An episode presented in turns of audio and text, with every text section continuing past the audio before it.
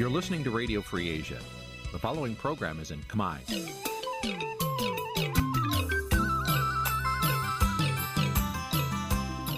នេះជាកម្មវិធីផ្សាយ Vuthu Azizi Serai នេះជាកម្មវិធីផ្សាយរបស់ Vuthu Azizi Serai ជាភាសាខ្មែរ Vuthu Azizi Serai សូមស្វាគមន៍លោកអ្នកនាងទាំងអស់ពីរដ្ឋធានី Washington នៃសហរដ្ឋអាមេរិក។ពីរដ្ឋធានីវ៉ាស៊ីនតោនខ្ញុំបាទសេកបណ្ឌិតសូមជម្រាបសួរអស់លោកអ្នកកញ្ញាអ្នកស្ដាប់ទាំងអស់ជាទីមេត្រីយើខ្ញុំសូមជូនកម្មវិធីផ្សាយសម្រាប់ព្រឹកថ្ងៃសៅរ៍8រោចខែកដិក ឆ្នាំឆ្លូវត្រីស័កពុទ្ធសករាជ2565ត្រូវនៅថ្ងៃទី27ខែវិច្ឆិកាគ្រិស្តសករាជ2021 ជាដំបូងនេះសូមអញ្ជើញអស់លោកអ្នកនាងស្ដាប់ព័ត៌មានប្រចាំថ្ងៃដែលមានមេត្តាដូចតទៅ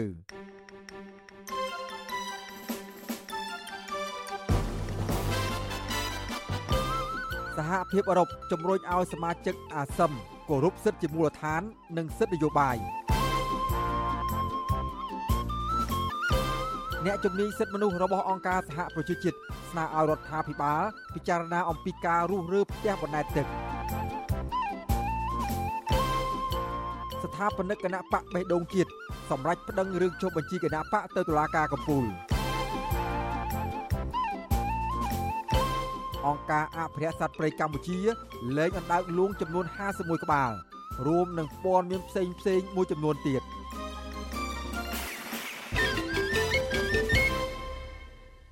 ជាបន្តទៅទៀតនេះខ្ញុំបាទសេកបណ្ឌិតសូមជូនព័ត៌មានពិស្ដាបាទលោកនាងកញ្ញាជាទីមេត្រី ការគោរពសិទ្ធិជាមូលដ្ឋានរបស់ប្រជាពលរដ្ឋនិងការចូលរួមនៅក្នុងសកម្មភាពនយោបាយដោយស្មារតីគ្នា គឺជាប្រធានបទមួយដ៏សំខាន់ក្នុងចំណោមប្រធានបទផ្សេងផ្សេងទៀតដែលគេបានលើកយកមកជជែកនៅក្នុងកិច្ចប្រជុំកំពូលអាស៊ីអឺរ៉ុបរយៈពេល2ថ្ងៃ កាលពីថ្ងៃទី25និងទី26វិច្ឆិកាក្រុមអ្នកវិភាគអះអាងថាសហភាពអឺរ៉ុបនឹងមិនបន្ធូរដៃឲ្យកម្ពុជា ដែលកំពុងដឹកនាំប្រទេសបែបជិះសេះលែងដៃតទៅទៀតហើយ ពួកគេថាអឺរ៉ុបនឹងដាក់ទណ្ឌកម្មបន្ថែមទៀតបើសិនជាមេដឹកនាំកម្ពុជាមិនងាកមកគោរពសេចក្តីសម្រេចរួមនៅក្នុងកិច្ចប្រជុំអាស៊ាននោះទេបាទពីរដ្ឋធានី Washington លោកទីនសាការីយ៉ារាយការណ៍ជុំវិញព័ត៌មាននេះក្រុមនៃវិភាគសង្ឃឹមថារដ្ឋាភិបាលកម្ពុជាលហ៊ុនសែននឹងបន្ធូរបន្ថយស្ថានភាពនយោបាយខ្លះនៅក្រៅពីបានដឹកនាំកិច្ចប្រជុំកំពូលអាស៊ីអឺរ៉ុបលើកទី13នេះដើម្បីទាញយកផលប្រយោជន៍សេដ្ឋកិច្ចនិងនយោបាយពីសហភាពអឺរ៉ុប អ្នកខ្លមើលផ្នែកអភិវឌ្ឍសង្គមបណ្ឌិតសេងសេរីសម្ដែងសុតិធិនិយមថារដ្ឋាភិបាលនឹងផ្លាស់ប្តូរអេរយាប័តដឹកនាំខ្លះដោយនឹងមិនទោទន់ទៅរកចិនខ្លាំងដូចមុននោះទេដើម្បីស្ដារមុខមាត់របស់ខ្លួនផងនិងដើម្បីបញ្ជៀសទណ្ឌកម្មពីសហភាពអឺរ៉ុបនិងអាមេរិកផងលោកប្រឌិតសេនស៊ូរីបន្ថែមថាបើសិនជារដ្ឋាភិបាលនៅតែរឹងទទឹងទៀតនោះរដ្ឋាភិបាលនឹងមិនកិច្ចផុតពីទណ្ឌកម្មបន្ថែមពីសហភាពអឺរ៉ុបនិងអាមេរិកឡើយខ្ញុំគិតថាតិចឬច្រើនដំណាក់កាលនេះគាត់ជាមានការអនុវត្តទៅតាម សេចក្តីថ្លែងការណ៍រួមនោះហើយក៏ប៉ុន្តែកម្រិតប៉ុណ្ណានោះយើងមិនទាន់ដឹងទេប៉ុន្តែខ្ញុំខ្ញុំមានសុទ្ធិធិនិយមថារដ្ឋាភិបាលនឹងពិចារណានៅក្នុងការយកសេចក្តីថ្លែងការណ៍រួម3ចំណុចនេះយកមកដើម្បីជាគោលយ៉ាងហោចណាស់ក៏រដ្ឋាភិបាលមានហេតុផលនៅក្នុងការយកសេចក្តីថ្លែងការណ៍នេះយកមកដើម្បីបទូបថយស្ថានភាពនយោបាយកម្ពុជាដែរប្រហែលជាលើកមុនររលេះអីដើម្បីបទូបថយឲ្យបានលើកនេះមានហើយមានមានសេចក្តីថ្លែងការណ៍រួមជាជាគោលនេះយើងអាចបង្ហាញទៅ មតិជាតិនិងអន្តរជាតិថាយោងតាមសេចក្តីថ្លែងការណ៍រួមនៃការប្រជុំអាស៊ានលើកទី13រដ្ឋាភិបាលបាននឹងត្រៀមនៅក្នុងការកែសម្រួលនៅក្នុងការគោរពសិទ្ធិមនុស្សប្រជាធិបតេយ្យអីខ្ញុំគិតថាវាជាសញ្ញាណមួយដែលល្អបាទការលើកឡើងរបស់នៃវិភាគនេះនៅក្រៅពេលកិច្ចប្រជុំកំពូលអាស៊ីអឺរ៉ុបបានបញ្ចប់កាលពីថ្ងៃទី26វិច្ឆិកាកិច្ចប្រជុំតាមអនឡាញរយៈពេល2ថ្ងៃគឺថ្ងៃទី25និងថ្ងៃទី26 បានប្រកាសលទ្ធផលដោយចេញសេចក្តីថ្លែងការណ៍រួម3សំខាន់សំខាន់គឺ ទី1សេចក្តីថ្លែងការណ៍ប្រធានអង្គប្រជុំអាស៊ីអឺរ៉ុបលើកទី13ទី2សេចក្តីថ្លែងការណ៍ទីក្រុងភ្នំពេញស្តីពីការស្ដារសង្គមសេដ្ឋកិច្ចឡើងវិញក្រោយពីជំងឺ Covid-19 និងទី3ឯកសារសកម្មភាពអនាគតស្តីពីការតភ្ជាប់អាស៊ីអឺរ៉ុបជាដើមលើសពីនេះក្រុមមេដឹកនាំអាស៊ីអឺរ៉ុបក៏បានគូបញ្ជាក់ពីទូនាទីដ៏សំខាន់របស់ប្រព័ន្ធអង្គការសហប្រជាជាតិអង្គការអន្តរជាតិ និងអង្គការតំបន់ផ្សេងផ្សេងទៀតក្នុងការរក្សាសន្តិភាពនិងសន្តិសុខសកលជំរុញការអភិវឌ្ឍប្រកបដោយចីរភាពនិងត្រូវប្រកាន់ភ្ជាប់នូវសិទ្ធិមនុស្សនិងសេរីភាពជាមូលដ្ឋានរបស់ប្រជាពលរដ្ឋក្រុមមេដឹកនាំទាំងនេះបានបដិញ្ញាចិត្តធ្វើការរួមគ្នាដើម្បីសន្តិភាពនិងសន្តិសុខការអភិវឌ្ឍប្រកបដោយចីរភាពដោយផ្អែកលើការគោរពច្បាប់អន្តរជាតិក្នុងនោះរួមទាំងការលើកកម្ពស់និងការការពារសិទ្ធិមនុស្សអនុលោមតាមធម្មនុញ្ញអង្គការសហប្រជាជាតិ និងសេចក្តីប្រកាសជាសកលស្តីពីសិទ្ធិមនុស្សទាក់ទងនឹងបញ្ហានេះនិវិភាននយោបាយដែលកំពុងតែនៅប្រទេសខ្លួននៅក្រៅប្រទេសលោកកឹមសុខមានប្រសាសន៍កាលពីថ្ងៃទី26វិច្ឆិកាថាទោះបីជាសេចក្តីសម្រេចនេះមិនសម្ដៅចំប្រទេសណាមួយក្តីតែការលើកឡើងនេះត្រូវនឹងស្ថានភាពកម្ពុជាជាងគេដែលកំពុងតែបំផ្លាញប្រជាធិបតេយ្យលោកអះអាងថាសហភាពអឺរ៉ុបនឹងមានចំណាត់ការបន្ទាប់ទៀតដាក់ទណ្ឌកម្មទៅលើរដ្ឋាភិបាលលហ៊ុនសែនដោយដល់អឺរ៉ុបនិងសហរដ្ឋអាមេរិករួមទាំងអាស៊ាន បានដាក់ទណ្ឌកម្មលើប្រទេសមីយ៉ាន់ម៉ាឬភូមាដែលគេមិនអនុញ្ញាតឲ្យមេដឹកនាំយោធាមីនអង្លាំងចូលរួមក្នុងកិច្ចប្រជុំអាស៊ាន និងកិច្ចប្រជុំកំពូលអាស៊ីអឺរ៉ុបលើកទី13នេះជាដើមទណ្ឌកម្មនៅតែមានមិនអាចអត់ទេទណ្ឌកម្មនៅតែមានជាបន្តបន្ទាប់ទៀតយើងពិនិត្យមើលថាហេតុអ្វីបានថាទណ្ឌកម្មនៅទីមានពីព្រោះលក្ខខណ្ឌ GSP ក៏កាន់តែធ្ងន់លក្ខខណ្ឌ EBA ក៏នៅតែដដែលក៏ប៉ុន្តែថែមទម្ងន់សារនយោបាយ នៅចំពោះលោកហ៊ុនសែនដោយប្រធានអឺរ៉ុបទៀតជៀសមិនផុតទេតនកម្មប្រសិនបើលោកហ៊ុនសែនមិនព្រមវិលទៅកាន់ការស្ដារលក្ខខណ្ឌណាមួយក្នុងផ្ទៃក្នុងជាតិកម្ពុជាហើយនៅតែស្រែកប្រកាសពឹងរកចិនដើម្បីការពារអំណាចរបស់គាត់ខ្ញុំសូមបញ្ជាក់ថានិយាយបែបនេះមិនមែនត្រូវធ្វើសត្រូវជាមួយចិនទេធ្វើទំនាក់ទំនងល្អជាមិត្តស្មើមុខជាមួយចិនក៏ប៉ុន្តែ វាគ្មានមូលហេតុអីដែលត្រូវធ្វើជាសត្រូវជាមួយនឹងបណ្ដាប្រទេសលោកសេរីដែលគេផ្ដល់នៅប្រយោជន៍យ៉ាងធំធេងទាំងសេដ្ឋកិច្ចពាណិជ្ជកម្មនិងជំនួយឥតសំណងទៅដល់ប្រទេសកម្ពុជានិងជាប្រយោជន៍ដ៏ធំធេងរបស់ប្រជាពលរដ្ឋខ្មែរនោះបន្ថែមពីនេះប្រធានក្រុមប្រឹក្សាអឺរ៉ុបលោកសាលមីសែលបានថ្លែងថាទោះបីជាទ្វីបទាំងពីរគឺអាស៊ីនិងអឺរ៉ុបត្រូវចូលរួមដោះស្រាយនិងស្ដារសេដ្ឋកិច្ចពាណិជ្ជកម្មរួមគ្នាក្រោយពីវិបត្តិជំងឺ Covid-19 និងការចូលរួមប្រយុទ្ធប្រឆាំងការប្រែប្រួលអាកាសធាតុការគ្រប់គ្រងប្រព័ន្ធជីវៈចម្រុះក្តីក៏ប៉ុន្តែសហភាពអឺរ៉ុបនៅតែប្រកាន់ចំហយ៉ាងមុតមមដដែលពីគោលការណ៍សេរីភាពសិទ្ធិមនុស្សនិងលទ្ធិប្រជាធិបតេយ្យកិច្ចប្រជុំកំពូលអាស៊ីអឺរ៉ុបបង្កើតឡើងកាលពីឆ្នាំ1996ដើម្បីបង្កើនវេទិកាសន្ទនាគ្នានិងកិច្ចសហប្រតិបត្តិការរវាងទ្វីបទាំងពីរគឺអាស៊ីនិងអឺរ៉ុបកិច្ចប្រជុំកំពូលអាស៊ីអឺរ៉ុបឬអាស៊ឹមនេះគេធ្វើឡើងរយៈពេល2ឆ្នាំម្ដង គឺម្ដងគេរៀបចំឡើងនៅលើទឹកដីអឺរ៉ុបម្ដងនៅអាស៊ីដែលឆ្នាំ2021នេះត្រូវបានកម្ពុជាមានឱកាសធ្វើជាប្រធានបដូវវេនដឹកនាំកិច្ចប្រជុំនេះទោះបីជាយ៉ាងណាក៏ដោយក្រុមនៃវិភាគព្យាករថានៅពេលខាងមុខបើសិនជារដ្ឋាភិបាលកម្ពុជាមិនអនុវត្តសេចក្តីសម្រេចរបស់កិច្ចប្រជុំកំពូលអាស៊ីអឺរ៉ុបឲ្យបានពេញលេញទេនោះ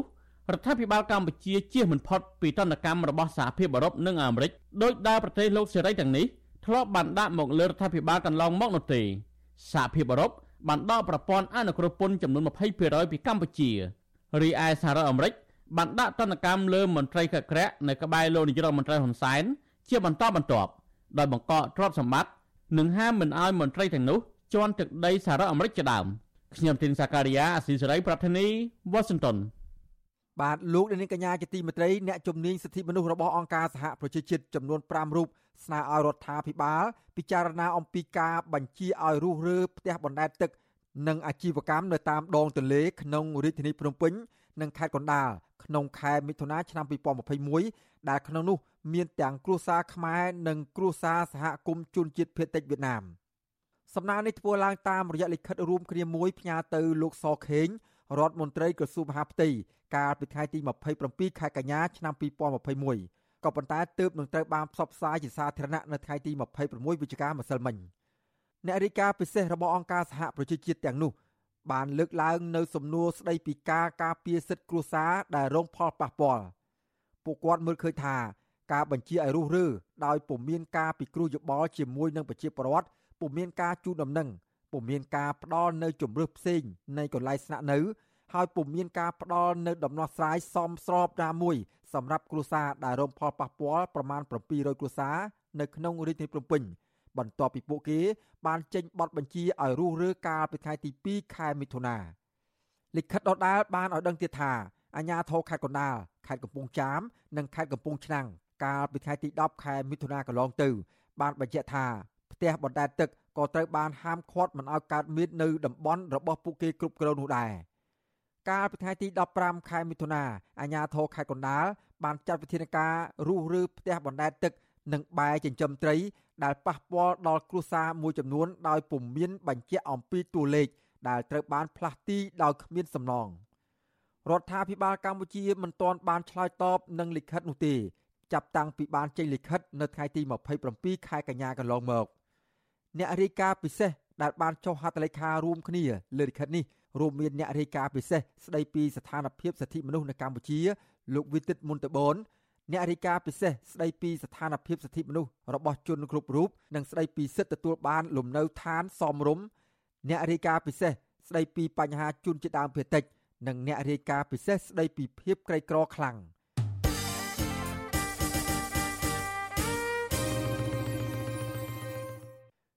បាទលោកនាងកញ្ញាជាទីមេត្រីលោកនាងកំពុងតាមដានស្ដាប់ការផ្សាយរបស់វិទ្យុអសីសេរីពីរដ្ឋធានី Washington សហរដ្ឋអាមេរិក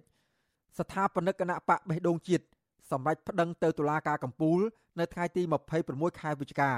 ពាក់ព័ន្ធនឹងក្រសួងមហាផ្ទៃមិនយល់ព្រមឲ្យចុះបញ្ជីផ្លូវការឲ្យគណៈបកនេះធ្វើសកម្មភាពនយោបាយ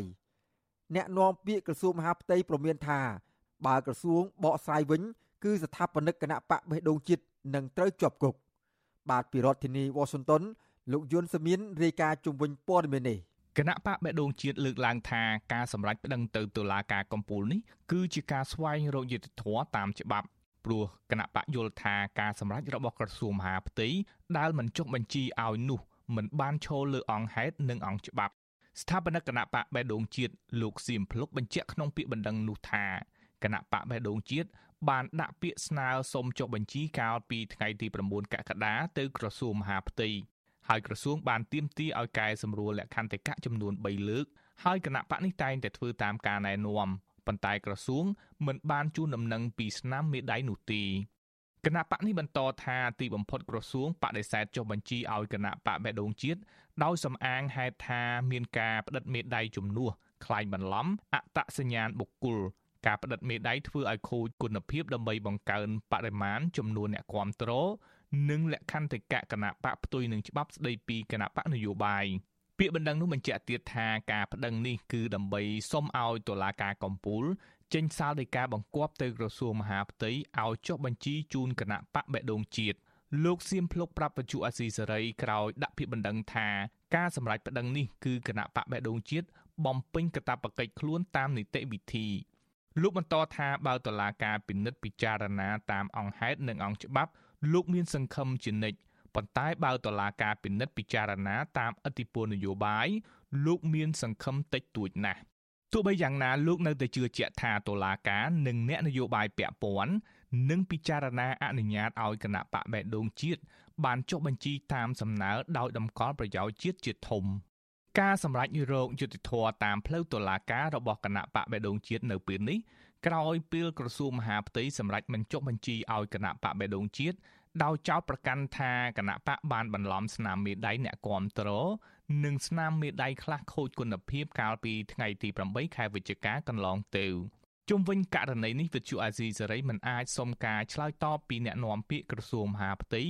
លោកខៀវសុភ័ក្របានទេនៅថ្ងៃទី26ខែវិច្ឆិកាទោះបីជាយ៉ាងណាលោកខៀវសុភ័ក្រធ្លាប់បានប្រាប់សារព័ត៌មានក្នុងស្រុក ដោយលោកប្រមានលោកសៀមភ្លុកថាបើក្រសួងប្តឹងបកវិញប្រយ័ត្នជាប់គុកអ្នកនាំពាក្យដដែលបន្តចោទប្រកាន់ថាគណៈបកបេដងជាតិមានជាប់ពាក់ព័ន្ធក្លែងបន្លំស្នាមមេដៃដែលដាក់មកក្រសួងមហាផ្ទៃស្នើសុំចុះបញ្ជីគណៈបកជុំវិញការប្រមានបែបនេះរបស់មន្ត្រីជាន់ខ្ពស់ក្រសួងមហាផ្ទៃនេះលោកសៀមភ្លុកយល់ថានេះជាការគម្រាមកំហែងបំផិតបំភ័យស្មារតីអ្នកនយោបាយដែលមានទស្សនៈនយោបាយផ្សេងគ្នា លោកបន្ថែមថារដ្ឋាភិបាល គួរគិតផលប្រយោជន៍ជាតិនិងកិត្តិយសមុខមាត់ប្រទេសលើឆាកអន្តរជាតិសំខាន់ជាងការធ្វើទុកបុកម្នេញលើសកម្មជននយោបាយតូចតាចដូចជារូបលោក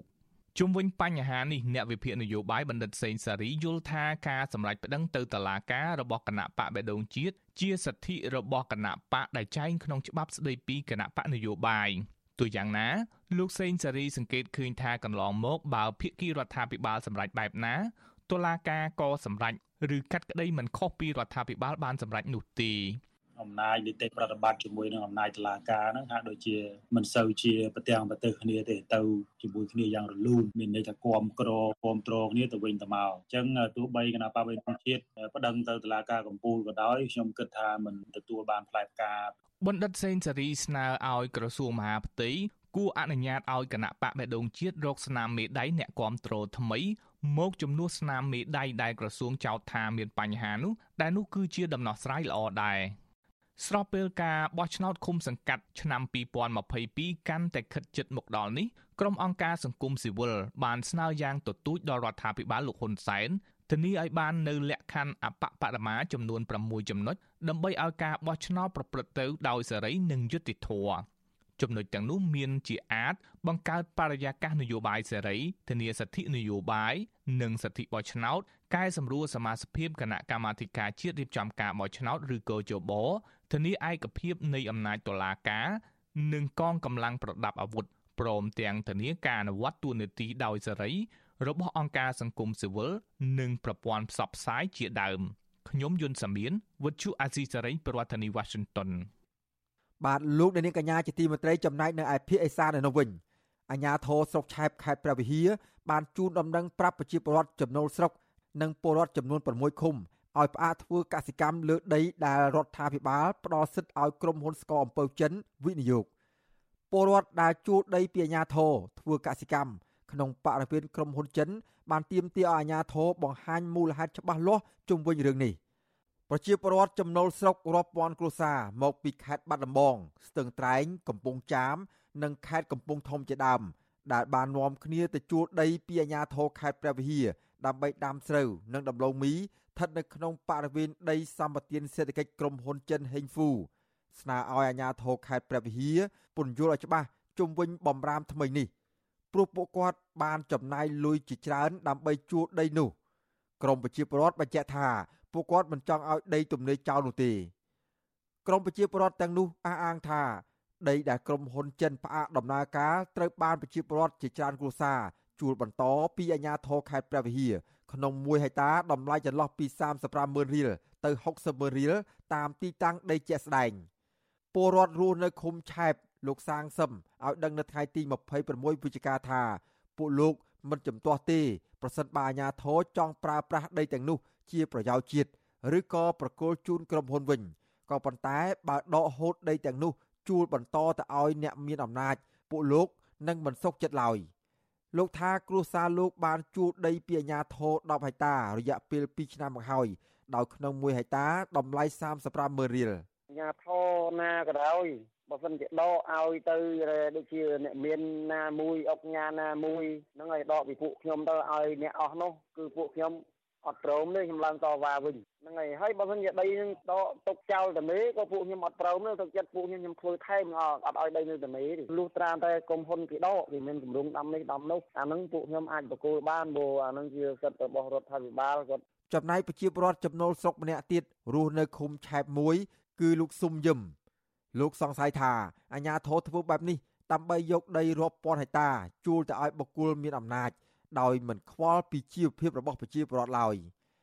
លោកថាប្រសិនបើអាជ្ញាធរហាមប្រជាពលរដ្ឋមិនឲ្យធ្វើកសិកម្មអាជ្ញាធរគួរតែអនុវត្តទាំង3ស្រុកពុំមែនតែស្រុកឆែបបែបនេះឡើយ។ ឃើញថងថាវាមានមូលហេតុបើថាខត់មិនឲ្យឈូសឆាយភ្ជួរក្នុងដីក្រុមហ៊ុនចិនទេមូលហេតុអីបានមិនឲ្យគេធ្វើទុកដីចោលទំនេរធ្វើអីហើយបើហាមខត់វាត្រូវមានមូលហេតុវាមានមូលហេតុរបស់វាបានត្រូវហាមខត់កើតនឹងខាងណាយកឬខាងណាមិនយកយ៉ាងម៉េចមូលហេតុអីហើយបើទុកដីនឹងទុកសំដុកស្មៅចោលធ្វើអីវាមានរីកចម្រើនតាណាឲ្យប្រជាពលរដ្ឋធ្វើទៅវិធីដីនៅដីតាអាណាយកដីទៅរួចប្រតិកម្មរបស់ក្រមពលរដ្ឋនេះកើតមានឡើងក្រោយពីដែលអាជ្ញាធរស្រុកឆែបបានជួនដំណឹងការពីថ្ងៃទី24វិច្ឆិកា ប្រាប់ពលរដ្ឋរស់នៅក្នុងភូមិចំនួន17ក្នុងឃុំទាំង6របស់ស្រុកឆែបដោយហាមមិនឲ្យពលរដ្ឋធ្វើកសិកម្មឬឈូសឆាយដី ក្នុងបរិវេណក្រុមហ៊ុនស្ករអំពើចិន ដែលទទួលសិទ្ធិវិនិយោគពីរដ្ឋាភិបាលវិទ្យុអសីសេរីនៅពុំទាន់អាចតាក់ទងសុំការបំភ្លឺអំពីរឿងនេះពីអភិបាលស្រុកឆែបលោកសុកសានតារា និងអ្នកនាំពាក្យសាលាខេត្តព្រះវិហារលោកយ៉ងកំហឿងបាននៅឡើយទេ នៅថ្ងៃទី26វិច្ឆិកា ដោយទូរស័ព្ទហៅចូលច្រើនដង តែគ្មានអ្នកទទួលរីឯតំណាងក្រុមហ៊ុនស្ករអំពៅចិនហេងហ្វូក៏វិទ្យុអស៊ីសេរីមិនទាន់អាចតាក់ទងបានដែរប៉ុន្តែអភិបាលរងស្រុកឆែបលោកអ៊ុនសុផល បានថ្លែងនៅក្នុងលិខិតនោះថាសេចក្តីសម្រេចនេះក្រោយពីមានកិច្ចប្រជុំពិភាក្សាស្ដីពីលទ្ធផលការចុះពិនិត្យនិងវិតម្លៃលើការអនុវត្តក្រុមហ៊ុនសម្បទានសេដ្ឋកិច្ចក្រោមការដឹកនាំរបស់រដ្ឋលេខាធិការក្រសួងកសិកម្មលោកអ៊ុងសំអាត លោកថាអាញាធរស្រុកទទួលព័ត៌មានថាពលរដ្ឋរស់នៅក្នុងឃុំចំនួន6គ្រូភ្ជួរដីធ្វើកសិកម្មស្ថិតនៅក្នុងការដ្ឋានក្រុមហ៊ុនស្ករអំពៅចិន ដើម្បីព្រួសស្រូវនិងដាំដំឡូងមីជុំវិញរឿងនេះនាយកប្រតិបត្តិអង្គការពន្លកខ្មែរលោកពឹកសុភ័ណ្ឌជំរុញឲ្យអាជ្ញាធរត្រូវផ្សព្វផ្សាយនិងបង្ហាញមូលហេតុច្បាស់លាស់ដើម្បីឲ្យពលរដ្ឋជ្រាបច្បាស់ព្រោះក្រុមហ៊ុនចិនបានផ្អាកដំណើរការសង្វាក់ផលិតកម្មរួចទៅហើយ លោកថាមកទល់នឹងពេលនេះមានតែអាជ្ញាធរស្រុកឆែបប៉ុណ្ណោះដែលចេញសេចក្តីជូនដំណឹងនេះខ្ញុំគិតថានៅក្នុងគម្រោងអភិ វឌ្ឍនីមួយនីមួយអាជ្ញាធរជាពិសេសរាជរដ្ឋាភិបាលគួរបង្ហាញព័ត៌មាននឹងឲ្យបានច្បាស់លាស់មុននឹងបន្តផែនការឬក៏ផ្ទេរទៅឲ្យក្រុមហ៊ុនដទៃបន្ទាប់ពីក្រុមហ៊ុនមួយបានខ្សែធនទៅណាមានការដោះស្រាយវិវាទនឹងឲ្យបានសមរម្យអាចទទួលយកបានទាំងប្រជាពលរដ្ឋទាំងអាជ្ញាធរបានក្រុមហ៊ុនសម្បទានសេដ្ឋកិច្ចហេងហ្វូទទួលសិទ្ធិវិនិយោគពីរដ្ឋាភិបាល លើផ្ទៃដីទំហំជាង40000ហិកតា នៅខេត្តព្រះវិហារតាំងពីឆ្នាំ2011ដើម្បីវិនិយោគដាំអំពៅនិងកៅស៊ូប៉ុន្តែក្រុមហ៊ុននេះបានផ្អាកដំណើរការសង្វាក់ផលិតកម្មជាង2ឆ្នាំមកហើយខណៈកន្លងមកប្រជាពលរដ្ឋមូលដ្ឋាន ជាពិសេសជនជាតិដើមភាគតិចគួយ បានស្នើរដ្ឋាភិបាលដកហូតដីពីក្រុមហ៊ុន និងផ្ដល់ជាកម្មសិទ្ធិជូនដល់សហគមន៍របស់ពួកគាត់វិញ។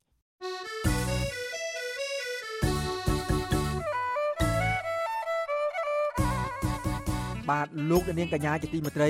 លោកនាងកំពុងតាមដានស្ដាប់ការផ្សាយរបស់វិទ្យុអសីសេរីពីរដ្ឋធានីវ៉ាស៊ីនតោនសហរដ្ឋអាមេរិកកម្មវិធីផ្សាយរបស់វិទ្យុអសីសេរីផ្សាយដំណើរគ្នាតាមរយៈរលកធាតុអាកាសខ្លីឬ Shortwave ពេលព្រឹកចាប់ពីម៉ោង5កន្លះដល់ម៉ោង6កន្លះតាមរយៈរលកធាតុអាកាសខ្លី9390 kHz ស្មើនឹងកម្ពស់ 32m និង11800 kHz ស្មើនឹងកម្ពស់ 25m ពេលយប់ចាប់ពីម៉ោង7កន្លះដល់ម៉ោង8កន្លះតាមរយៈរលកធាតុអាកាសខ្លី9390 kHz ស្មើនឹងកម្ពស់ 32m និង15155 kHz ស្មើនឹងកម្ពស់ 20m បាទសូមអរគុណ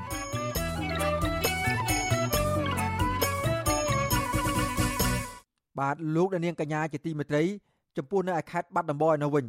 មន្ត្រីអង្គការសង្គមស៊ីវិលរិះគន់អាជ្ញាធរខេត្តបាត់ដំបង និងខេត្តបៃលិនថា បានបង្កើនការរដ្ឋបិទសិទ្ធិសេរីភាពពួកគេខ្លាំងធ្វើឲ្យពិបាកបំពេញការងារឲ្យបានពេញលេញប្រតិកម្មរបស់សង្គមស៊ីវិលនេះធ្វើឡើងក្រោយពេលដែលអាជ្ញាធរខេត្តទាំងពីរនេះបានតម្រូវឲ្យសង្គមស៊ីវិលដាក់លិខិតសូមអនុញ្ញាតក្នុងពេលចុះអប់រំការយល់ដឹងផ្សេងផ្សេងដល់ប្រជាពលរដ្ឋនៅតាមមូលដ្ឋាន ដែលខុសពីការណែនាំរបស់ក្រសួងមហាផ្ទៃបាទពីរដ្ឋធានី Washington អ្នកស្រីសុជីវីរាយការណ៍ជំវិញព័ត៌មាននេះមន្ត្រីសង្គមស៊ីវិលរិះគន់ថា អាញាធរធ្វើបែបនេះជាការរឹតបន្តឹងសេរីភាពបំពេញការងាររបស់សង្គមស៊ីវិលដែលធ្វើឲ្យខូចប្រយោជន៍របស់ប្រជាពលរដ្ឋនិងជាការដើរចាក់កាន់តែឆ្ងាយពីគន្លងប្រជាធិបតេយ្យមន្ត្រីសម្របសម្រួលសមាគមការពារសិទ្ធិមនុស្សខេត្តបាត់ដំបងនិងខេត្តបៃលិនលោកយិនមេងលីរៀបរាប់ប្រាប់វិទ្យុអាស៊ីសេរីថាមួយរយៈចុងក្រោយនេះសេរីភាពបំពេញការងាររបស់លោកនៅខេត្តជាប់ព្រំដែននៃប្រទេសថៃទាំងពីរនេះ កាន់តែរួញតូចជាពិសេសនៅពេលចុះអប់រំការយល់ដឹងអំពីបញ្ហាផ្សេងផ្សេងដល់ពលរដ្ឋនៅក្នុងមូលដ្ឋាន គឺមានការលំបាកខ្លាំងជាឧទាហរណ៍កាលពីថ្ងៃទី24ខែវិច្ឆិកាមេឃុំតាក្រៀមលោកអឹមប៊ុនលូមិនឲ្យលោកចុះផ្សព្វផ្សាយការយល់ដឹងអំពីហានិភ័យនៃការធ្វើចំណាក់ស្រុកខុសច្បាប់ទៅដល់ប្រជាពលរដ្ឋដែលនឹងមានចំនួនប្រមាណ30នាក់ចូលរួម នៅក្នុងភូមិអន្លង់ស្វាយឃុំតាក្រៀមនោះទេ លោកបន្តថាមេឃុំរូបនេះតម្រូវឲ្យលោកធ្វើលិខិតសុំអនុញ្ញាតដាក់ជូនអាជ្ញាធរជាមុនសិនទើបលោកចុះបំពេញការងារបានធនធនណាធនធនណាហាក់បីដូចជាភូមិឃុំស្រុកហ្នឹងជាកម្មសិទ្ធិរបស់គណៈបកអញ្ចឹងខ្ញុំមានការសោកស្ដាយណាបើសម្ដីនឹងជាការពិតពេលដែលយើងតាក់ទងទៅលោក មេឃុំយើងបានតាក់ទងទៅគាត់ឲ្យឯកសារពាក់ព័ន្ធផ្លូវច្បាប់ទាំងអស់ជូនទៅគាត់គាត់ឲ្យយើងធ្វើលិខិតដឹងជាលិខិតអីទេដែលគាត់ឲ្យធ្វើហ្នឹងមិនមែនជាលិខិតជូនដំណឹងទៀតគាត់ថាដោយសារតែមេបកឥឡូវនេះរោគរឿងគាត់គេសួរថាមានលិខិតសូមអនុញ្ញាតធ្វើសកម្មភាពក្នុងឃុំដែរឬទេអញ្ចឹងតើឃុំនេះជាឃុំរបស់អ្នកណាបកធំជាងអាញាធរអាញាធរធំជាងបក តកតងនឹងបញ្ហានេះមេឃុំតាក្រៀមលោកអឹមប៊ុនលូប្រាប់វិទ្យុអាស៊ីសេរីថាលោកមិនមានចេតនារារាំងមន្ត្រីសង្គមស៊ីវិលនោះទេក៏ប៉ុន្តែលោកថាការដែលលោកទៀមទាបែបនេះគឺធ្វើតាមការណែនាំរបស់មន្ត្រីថ្នាក់ជាតិចុះជួយមូលដ្ឋាននៅឃុំតាក្រៀមតែប៉ុណ្ណោះខ្ញុំថាអញ្ចឹងចាំលើកខែក្រោយចុះខែក្រោយក៏នឹងធ្វើលិខិតជូនដំណឹងមកជាលេខអក្សរផ្ទាល់ព្រោះ ហើយដមក្រុមការងារលោកដាក់វិធានការតឹងរឹងមកដល់អញ្ចឹងពួកខ្ញុំពិបាកពួកខ្ញុំអត់ស្គាល់ទេគាត់ថាសូមឲ្យលេខអក្សរមួយក្នុងការចូលណាប្រជុំសពផ្សាយថ្ងៃហ្នឹងណាគាត់ដល់ខាងអានហុកគាត់ថាគាត់ធ្វើមិនទាន់ទេព្រោះចុះអត់លេខាវាយប្រានៅលើប្រធានចំណែកនៅឯខេត្តបៃលិនឯនោះវិញអាជ្ញាធរក៏មិនអោយសង្គមស៊ីវិលចុះអប់រំការយល់ដឹងដល់ពលរដ្ឋដូចគ្នាដែរមន្ត្រីខ្លំមើលការរំលោភសិទ្ធិមនុស្សលោកយិនមេងលីឲ្យដឹងថា កាលពីថ្ងៃទី17ខែវិច្ឆិកាលោកបានតាក់ទងទៅមេឃុំស្ទឹងត្រង់ស្រុកសាឡាក្រៅដើម្បីចុះផ្សព្វផ្សាយការអប់រំអំពីហានិភ័យនៃការធ្វើចំណាក់ស្រុករួចហើយប៉ុន្តែនៅពេលដល់ថ្ងៃចុះបំពេញការងារក៏ត្រូវខកខានទៅវិញលោកបញ្ជាក់ថាអាជ្ញាធរឃុំ ស្រុកនិងអាជ្ញាធរខេត្តបៃលិនតម្រូវឲ្យលោកដាក់លិខិតសុំចុះបំពេញការងារជាមុនសិនទើបអាជ្ញាធរអនុញ្ញាតឲ្យធ្វើសកម្មភាពបាន មន្ត្រីសង្គមស៊ីវិលរូបនេះចាត់ទុកវិធានការរបស់អាជ្ញាធរខេត្តទាំងពីរនេះថាជាទង្វើខុសច្បាប់និងជាការដើរចាកឆ្ងាយពីគន្លងប្រជាធិបតេយ្យ ដែលធ្វើឲ្យខូចទៅដល់ប្រយោជន៍របស់ប្រជាពលរដ្ឋយើងសំណុំពរសូមឲ្យធ្វើការពិនិត្យឡើងវិញណាពីព្រោះថាខ្ញុំធ្លាប់តែលើថាកិច្ចសហការរវាងអង្គការសង្គមស៊ីវិលនិងរដ្ឋាភិបាលជាដៃគូដែលមិនអាចខ្វះបានបាទអញ្ចឹងហេតុអីបានជាមានការរឹតបន្តឹងទៅលើសេរីភាពក្នុងការជួបប្រជុំឬក៏សេរីភាពក្នុងការបញ្ចេញមតិដែលធានាដោយច្បាប់ជាតិនិងច្បាប់អន្តរជាតិហើយកម្ពុជាជារដ្ឋហត្ថលេខីទៀតណានៃនៃកតិកាសញ្ញាស្តីអំពីសិទ្ធិពលរដ្ឋសិទ្ធិនយោបាយនេះបាទ លោកយិនមេងលីនិយាយថាការដែលលោកចុះអប់រំប្រជាពលរដ្ឋជាប់ខេត្តព្រំដែនទាំងពីរនេះក្នុងគោលបំណងដើម្បីអប់រំពលរដ្ឋឲ្យយល់ដឹងពីហានិភ័យនៃការឆ្លងដែនទៅប្រទេសថៃដោយខុសច្បាប់ នៅក្នុងអំឡុងពេលនេះលោកថាការអប់រំដល់ពលរដ្ឋនេះដោយលោកសង្កេតឃើញថា មួយរយៈពេលនេះមានប្រជាពលរដ្ឋជាច្រើន បានចាញ់បោកមេខ្យល់នាំឆ្លងដែនទាំងប្រថុយប្រឋានទៅប្រទេសថៃដោយខុសច្បាប់ ហើយត្រូវបានអាជ្ញាធរថៃចាប់ដាក់គុកចំណាយអស់ប្រាក់ធ្វើដំណើរច្រើន ហើយប្រឈមនឹងទីហ៊ានថៃបាញ់ស្លាប់ជាដើមឆ្លើយតបបញ្ហានេះអភិបាលស្រុកសាឡាក្រៅលោកសំសារ៉េតប្រាប់វិទ្យុអាស៊ីសេរីថាលោកមិនជំទាស់នឹងមន្ត្រីអង្គការសង្គមស៊ីវិលចុះអប់រំប្រជាពលរដ្ឋនោះទេក៏ប៉ុន្តែលោកថាការហាមឃាត់នេះដោយសារតែសង្គមស៊ីវិលមិនបានជូនដំណឹងទៅដល់អាជ្ញាធរជាមុន។ យ៉ាងហើយនឹងប្រាប់ឲ្យគេដឹងក្នុងព្រៀបមុនគេកាងវាសន្តិសុខឬមួយក៏គេរៀបចំឲ្យអាជ្ញាធរភូមិឃុំអញ្ជើញអ្នកពាក់ព័ន្ធទៅចូលរួមយ៉ាងម៉េចយ៉ាងម៉េចមិនចឹងហើយដល់ពេលគាត់បន្តប្រាប់លៀបលេដល់ខ្ញុំធ្វើអីតន់មិនគេមិនអនុញ្ញាតទេមិនឲ្យឲ្យជូនដំណឹងដាក់តាមនីតិវិធីរដ្ឋបាលស្រួលទៅណាបងបាទជុំវិញរឿងនេះប្រជាពលរដ្ឋនៅឃុំស្ទឹងត្រង់លោកស្រីអោមសំអល់ថ្លែងថា កន្លងមក នៅស្រុកសាឡាក្រៅអាជ្ញាធរតែងតែបង្កការលំបាកដល់សង្គមស៊ីវិលក្នុងការចុះអប់រំការយល់ដឹងផ្សេងៗដល់ប្រជាពលរដ្ឋជាប្រចាំលោកស្រីសោកស្ដាយនឹងទង្វើរបស់អាជ្ញាធរបែបនេះថាជាការដែលមិនជួយគិតគូរដល់ប្រយោជន៍របស់ប្រជាពលរដ្ឋលោកស្រីបន្ថែមថាការអប់រំរបស់សង្គមស៊ីវិលមានប្រយោជន៍ច្រើនដល់ពលរដ្ឋជាពិសេសធ្វើឲ្យពួកគាត់មានការយល់ដឹងពីហានិភ័យនៃការធ្វើចំណាក់ស្រុកដោយខុសច្បាប់ ហើយខ្ញុំអត់ចង់ឲ្យអាជ្ញាធរគាត់គិតអញ្ចឹងទេចង់ឲ្យឲ្យប្រជាជននឹងដឹងច្បាប់ទៅប្រជាជននឹងគោរពច្បាប់ យើងនឹងវាអស់បញ្ហាហើយឲ្យមានស្ថិរភាពនៅក្នុងឃុំឃុំបើសិនណាប្រជាពលរដ្ឋដឹងច្បាប់ច្រើនអភិបាលខេត្តបាត់ដំបងដែលទៅតែកាន់តំណែងថ្មីលោកសុកលូប្រាប់វិទ្យុអាស៊ីសេរីថាអាញាធរខេត្តមិនបានរដ្ឋបិទមន្ត្រីសង្គមស៊ីវិលចុះបំពេញការងារនៅតាមមូលដ្ឋាននោះឡើយលោកបញ្ជាក់ថា ក្រោយពីបានទទួលដំណឹងនេះលោកនឹងណែនាំដល់មន្ត្រីក្រមអវ៉ាតឲ្យបញ្ឈប់តម្រូវឲ្យសង្គមស៊ីវិលសុំច្បាប់ក្នុងពេលចុះអប់រំពលរដ្ឋឬបំពេញការងារនៅតាមមូលដ្ឋានតទៅទៀតអន្តរជាតិរួមគឺចាំមើលខ្ញុំត្រួតពិនិត្យព័ត៌មាននេះហើយនឹងខ្ញុំនឹងសួរនាំទីរួមគឺមានការហាមឃាត់ទេបងប្អូនសង្គមស៊ីវិល NGO ទាំងអស់អាចធ្វើការងារដោយសេរីដោយបែរដែលក្រសួងហាផ្ទៃក្លឹបបានទូដំណឹងមកហើយណាបាទកាលពីឆ្នាំ2018 រដ្ឋមន្ត្រីក្រសួងមហាផ្ទៃលោកសខេងបានចេញលិខិតណែនាំដល់អភិបាលខេត្តរាជធានីទាំងអស់ពង្រឹងកិច្ចសហប្រតិបត្តិការជាមួយនឹងសមាគមអង្គការមិនមែនរដ្ឋាភិបាល និងសហគមន៍នានានៅមូលដ្ឋាន ដែលចុះបញ្ជីត្រឹមត្រូវតាមច្បាប់លិខិតដដែលនោះបញ្ជាក់ថាអង្គការសង្គមស៊ីវិលទាំងនោះមានសិទ្ធិសេរីភាពពេញលេញក្នុងការធ្វើសកម្មភាពស្របច្បាប់ដោយមិនចាំបាច់ជូនដំណឹងដល់អាជ្ញាធរមូលដ្ឋាន រយៈពេល3ថ្ងៃ មុនពេលចុះធ្វើសកម្មភាពនោះឡើយថ្មីថ្មីនេះអ្នករាយការណ៍ពិសេសរបស់អង្គការសហប្រជាជាតិទទួលបន្ទុកសិទ្ធិមនុស្សប្រចាំនៅកម្ពុជា លោកវិទិតមុនថាបនបានប្រមាននៅក្នុងសេចក្តីថ្លែងការណ៍ថាកម្ពុជាកំពុងតែដើរថយក្រោយ ដោយងាកចេញពីការគោរពសិទ្ធិមនុស្សនិងគន្លងប្រជាធិបតេយ្យលោកបញ្ជាក់ថាទោះបីជាប្រទេសកម្ពុជា មានអង្គការសមាគមប្រមាណជា5000ក៏ដោយ ក៏អង្គការដែលធ្វើការងារផ្នែកសិទ្ធិមនុស្សលើកស្ទួយលទ្ធិប្រជាធិបតេយ្យនិងបរិស្ថាន កំពុងជួបបញ្ហាលំបាកជាខ្លាំងក្នុងការអនុវត្តការងាររបស់ពួកគេជាមួយអាជ្ញាធរមូលដ្ឋាននាងខ្ញុំសុជីវីវិទ្យុអាស៊ីសេរីពីរដ្ឋធានី Washington បាទលោកនាងកញ្ញាជាទីមេត្រី ប្រជាពលរដ្ឋនិងអ្នកសេដ្ឋកិច្ចក្រៅប្រព័ន្ធទទូចដល់រដ្ឋាភិបាលឲ្យដោះស្រាយបញ្ហាសាំងឡើងថ្លៃ ដើម្បីសម្រួលបន្ទុកជីវភាពប្រជាពលរដ្ឋដែលកំពុងរងគ្រោះដោយសារជំងឺ Covid-19 ក្តីបារម្ភនេះកើតមានឡើងបន្ទាប់ពីតម្លៃសាំងនៅតាមស្ថានីយ៍ប្រេងឥន្ធនៈបានកើនឡើងជាលំដាប់បាទពីរដ្ឋធានី Washington លោកយុនសមៀនមានសេចក្តីរាយការណ៍មួយទៀតជុំវិញព័ត៌មាននេះពលរដ្ឋយល់ថាការឡើងថ្លៃសាំងគឺជាបញ្ហាដែលធ្វើឲ្យជីវភាពគ្រួសាររបស់ពួកគេកាន់តែលំបាកអ្នករត់ Pass App ម្នាក់នៅខេត្តព្រះសីហនុលោកសាន់ធី កំពុងរកចំណូលបានតិចតួច ដោយភ្ញៀវក៏មិនសម្បូរព្រោះពលរដ្ឋភ័យច្រើនក៏មានម៉ូតូឡានផ្ទាល់ខ្លួនដែរឡើងទៅអញ្ចឹងវាថាយើងរមទៅបានសាំងឡើងថ្លៃទីទីឆាប់អស់ខាតលុយច្រើនស្រដៀងគ្នានេះកសិករនៅក្រុងស្ទឹងសែនខេត្តកំពង់ធំ លោកសិនសំអាតយល់ថាប្រេងសាំងគឺជារឿងចាំបាច់ពីព្រោះសម័យនេះកសិករធ្វើកសិកម្មមិនប្រើគូក្របីដូចសម័យមុនឡើយ លោកស្នើឲ្យរដ្ឋាភិបាល និងក្រសួងពាក់ព័ន្ធយកចិត្តទុកដាក់ដោះស្រាយជីវភាពរបស់កសិករបើសិនជារដ្ឋាភិបាលឬខាងក្រសួងអីអាចជួយយកពួនខាងសាំងឲ្យថោកថោកល្មមទៅធូរល្មមទៅវាអាចសាំងឲ្យធ្លាក់ថ្លៃដល់កសិករដែរក្រសួងពាណិជ្ជកម្មប្រកាសថាតម្លៃសាំងធម្មតាមានតម្លៃជាង4600រៀលក្នុង1លីត្រសម្រាប់មស៊ូតមានតម្លៃជាង4200រៀល ប៉ុន្តែតម្លៃសាំងជាក់ស្ដែងនៅតាមទីផ្សារមានតម្លៃលក់ដល់5000រៀលហើយក្នុង1លីត្របើធៀបទៅនឹងខែដុល្លារតម្លៃសាំងធម្មតាមានតម្លៃតែ4300រៀល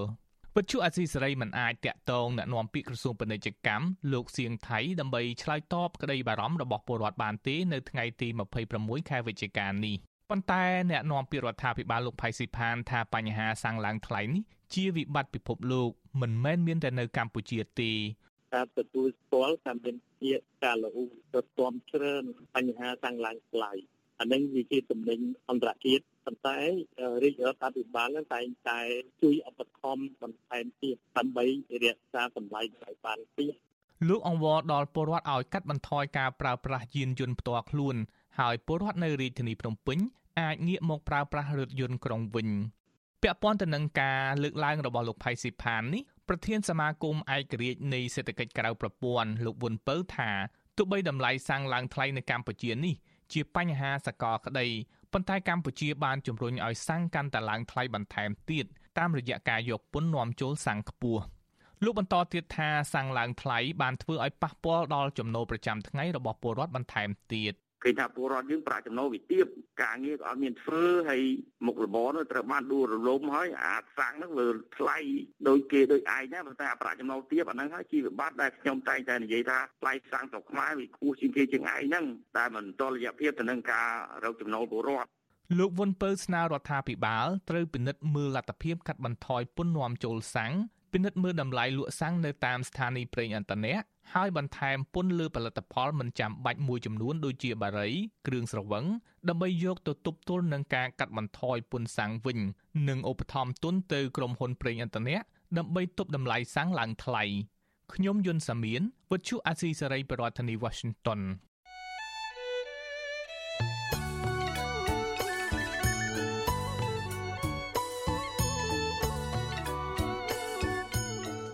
បបាទលោកអ្នកនាងកញ្ញាជាទីមេត្រីលោកអ្នកនាងកំពុងតាមដានស្ដាប់ការផ្សាយរបស់វិទ្យុអសីសេរីពីរដ្ឋធានី Washington សហរដ្ឋអាមេរិក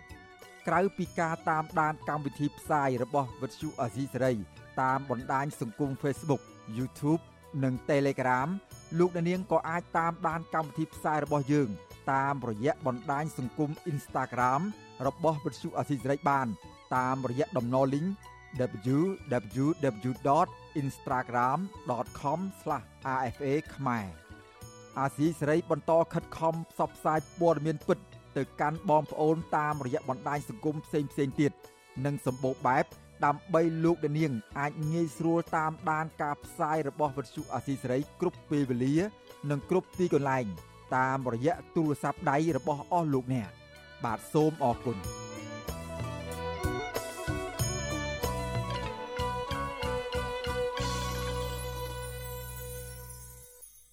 អង្គការអភិរក្សសត្វព្រៃកម្ពុជា និងរដ្ឋបាលជលផលកាលពីថ្ងៃទី26វិច្ឆិកាបានលែងអណ្ដើកលួងឬអណ្ដើកសរសៃដែលជាពូជសត្វកម្រចំនួន51ក្បាលទៀតចូលទៅក្នុងប្រព័ន្ធព្រែកក្នុងស្រុកស្រែអំបិលខេត្តកោះកុងដែលជាទីជម្រកធម្មជាតិរបស់ពួកគេវិញអណ្ដើកទាំងនោះត្រូវបានក្រុមអ្នកអភិរក្សប្រមូលមកពីតាមដងព្រែកស្រុកស្រែអំបិលតាំងពីអណ្ដើកទាំងនេះទើបតែញាស់ ដើម្បីយកទៅចិញ្ចឹមនិងថែរក្សានៅមជ្ឈមណ្ឌលអភិរក្សសត្វល្មូនខេត្តកោះកុងអណ្ដើកដែលទើបលែងចូលទៅក្នុងប្រព័ន្ធព្រែកទាំងនោះមានអាយុចាប់ពី6ឆ្នាំទៅដល់15ឆ្នាំប្រធានគម្រោងអភិរក្សសត្វអណ្ដើកលួងនៃអង្គការ WCS លោកសោមស៊ីថាបានថ្លែងនៅក្នុងសេចក្តីប្រកាសព័ត៌មានចេញផ្សាយកាលពីថ្ងៃទី26ខែវិច្ឆិកាថារាល់សត្វអណ្ដើកដែលបានលែងចូលទៅក្នុងប្រព័ន្ធព្រែកនោះវិញសុទ្ធតែមានបង្កប់បន្ទះឈីប និងឧបករណ៍តាមដាននៅលើស្នូករបស់វាលោកថាការធ្វើបែបនេះធ្វើឲ្យក្រុមអ្នកអភិរក្សងាយស្រួលតាមដានទម្លាប់បន្លាស់ទីរបស់អណ្ដើកនៅក្នុងប្រព័ន្ធព្រែកនេះជាលើកទី6ហើយដែលអង្គការអភិរក្សសត្វព្រៃកម្ពុជា និងរដ្ឋបាលជលផលបានលែងអណ្ដើកលួងឬអណ្ដើកសរសៃឲ្យត្រឡប់ទៅទីជម្រកធម្មជាតិវិញ ចាប់តាំងពីឆ្នាំ2015រហូតមកទល់នឹងពេលនេះ អណ្ដើកដែលបានលែងនៅក្នុងប្រព័ន្ធព្រែកវិញ មានចំនួន147ក្បាលទន្ទឹមនឹងការសាទរចំពោះការងារអភិរក្សនេះអង្គការអភិរក្សសត្វព្រៃក៏នៅតែចាត់ទុកថាពូជអណ្ដើកទាំងនេះកំពុងតែប្រឈមនឹងវិនាសផុតពូជទៅវិញដោយសារតែវត្តមានរបស់អណ្ដើកទាំងនេះមានតែនៅតាមប្រព័ន្ធព្រែកក្នុងស្រុកស្រែអំបិលនិងខេត្តប្រសេនុប៉ុណ្ណោះបន្ថែមពីលើនេះទីកន្លែងទាំងពីរនេះមានការនេសាទខុសច្បាប់អាជីវកម្មខ្សាច់ និងការកាប់បំផ្លាញព្រៃលិចទឹកដែលសកម្មភាពទាំងនេះប៉ះពាល់ដល់ជំរកនិងការបង្កកំណើតរបស់អណ្ដើកប្រភេទនេះ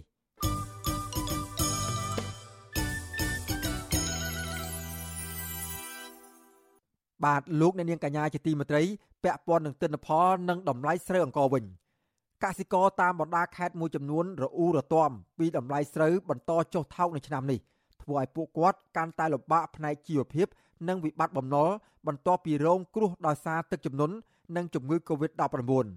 ពលរដ្ឋមួយចំនួនបានបង្ខំចិត្តលក់ស្រូវក្នុងតម្លៃថោកដើម្បីសងបំណុលធនាគារបាទពីរដ្ឋធានី Washington អ្នកស្រីសុជីវីមានសេចក្តីរាយការណ៍ពិស្ដារជុំវិញព័ត៌មាននេះក្រមពលរដ្ឋរស់នៅខេត្តព្រះវិហារខេត្តបាត់ដំបងនិងខេត្តសៀមរាបអស់សង្ឃឹមចំពោះការបង្កបង្កើនផលដោយសារស្រូវឆ្នាំនេះ នៅតែបន្តធ្លាក់ថ្លៃខ្លាំងធ្វើឲ្យពួកគាត់មិនអាចធូរស្រាលផ្នែកជីវភាព និងរួចផុតពីវិបត្តិបំណុលនោះទេកសិកររស់នៅស្រុកបាណន់ខេត្តបាត់ដំបងលោកញឹមគៀតប្រាប់វិទ្យុអាស៊ីសេរីកាលពីថ្ងៃទី22ខែវិច្ឆិកាថាឲ្យតែដល់រដូវប្រមូលផលកសិកម្មតម្លៃស្រូវគឺចុះថោកជារៀងរាល់ឆ្នាំ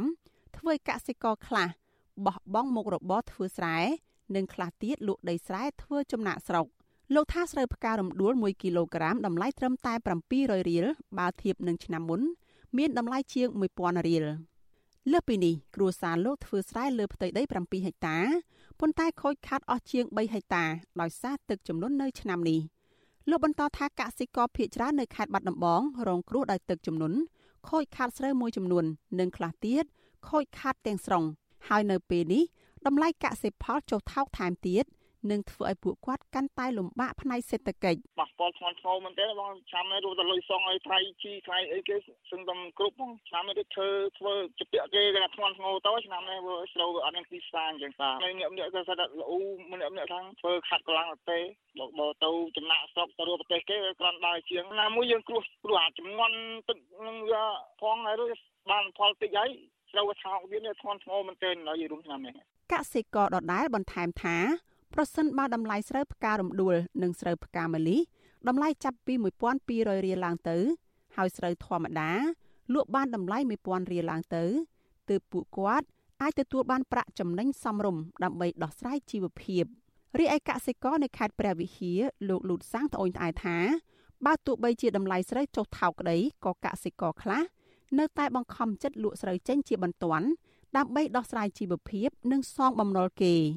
លោកថាកសិកររស់នៅស្រុកត្បៃមានជ័យធ្វើស្រូវបានផលច្រើននៅឆ្នាំនេះប៉ុន្តែតម្លៃស្រូវមិនគប់ប្រសើរដែលមិនធ្វើឲ្យពួកគាត់សប្បាយចិត្តនោះទេលោកបន្ថែមថាក្រមឈ្មួញបានបញ្ចុះតម្លៃស្រូវតាមចិត្តដោយក្នុង1គីឡូក្រាមចាប់ពី700រៀលទៅ800រៀលដែលបង្កឲ្យមានផលប៉ះពាល់ដល់ជីវភាពរបស់កសិករប៉ុន្តែជាជំរឿសចុងក្រោយរបស់គាត់អ្នកខ្លះគាត់ច្រូតម៉ាស៊ីនច្រូតអីទៅ គាត់អត់មានលុយឲ្យម៉ាស៊ីនអញ្ចឹងគាត់ត្រូវការលក់ហ្មងហើយយើងមើលថាតម្លៃទីផ្សារវាថោកមែនតើឥឡូវនេះណាហ្មងតកតងនឹងម៉ាស៊ីនច្រូតម៉ាស៊ីនអីក៏គាត់ឡើងថ្លៃអីអញ្ចឹងមើលទៅមួយឆ្នាំមួយឆ្នាំគាត់ធ្វើ3 4 5 6ហាត់ភាគច្រើនគាត់បានតែឲ្យតែថ្លៃម៉ាស៊ីន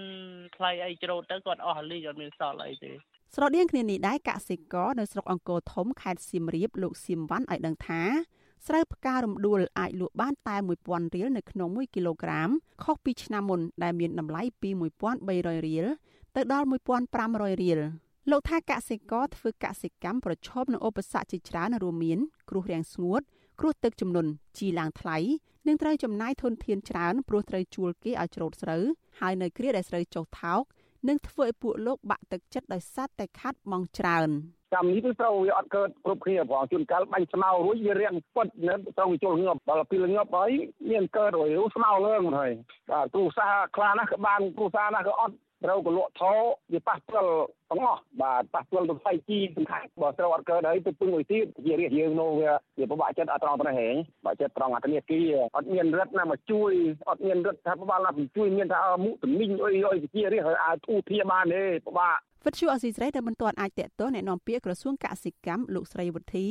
ដើម្បីសុំបំភ្លឺជុំវិញការត្អូញត្អែរបស់ក្រុមកសិករនេះបាននៅឡើយទេ កាលពីថ្ងៃទី22ខែវិច្ឆិកា ចំណែកប្រធានអង្គភិបអ្នកនាំពាក្យរដ្ឋាភិបាលលោកផៃស៊ីផាន និងប្រធានសហព័ន្ធស្រូវអង្ករកម្ពុជា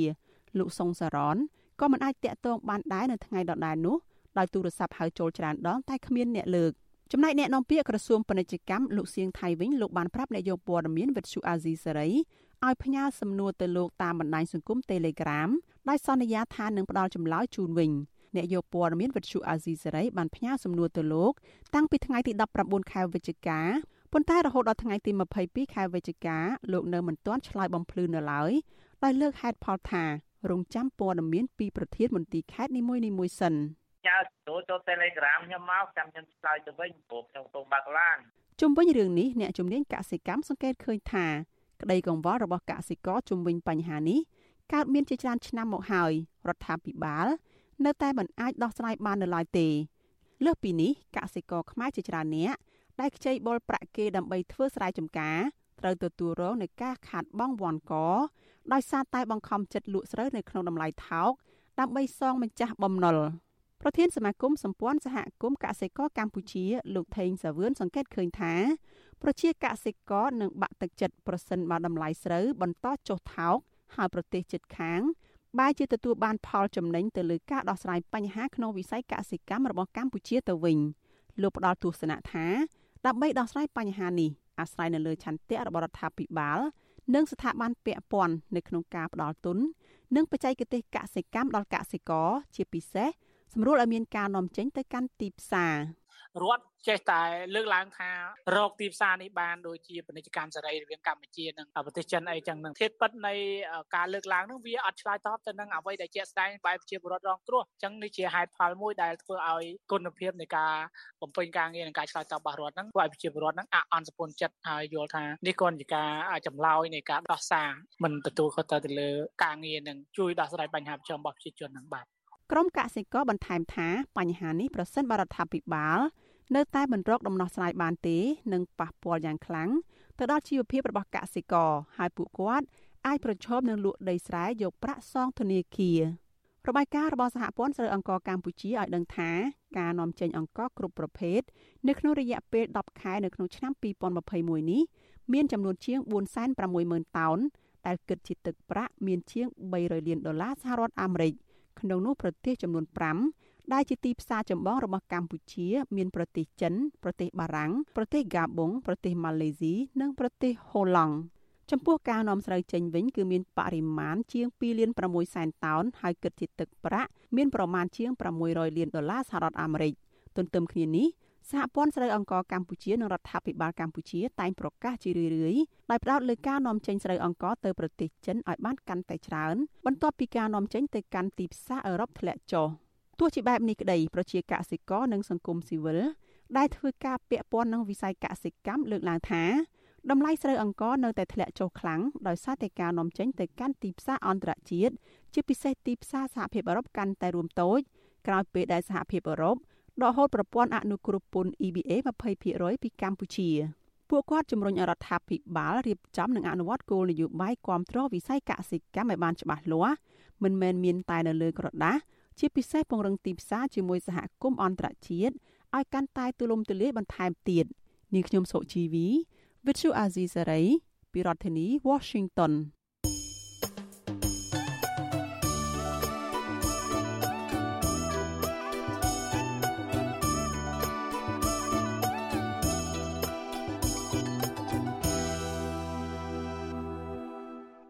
បាទលោកនាងកញ្ញាជាទីមេត្រីពាក់ព័ន្ធនឹងរឿងរ៉ាវចម្រូងចម្រាសនៃមេដឹកនាំគណៈបកកណ្ដាលអំណាចនិងមេដឹកនាំគណៈបកប្រឆាំងវិញ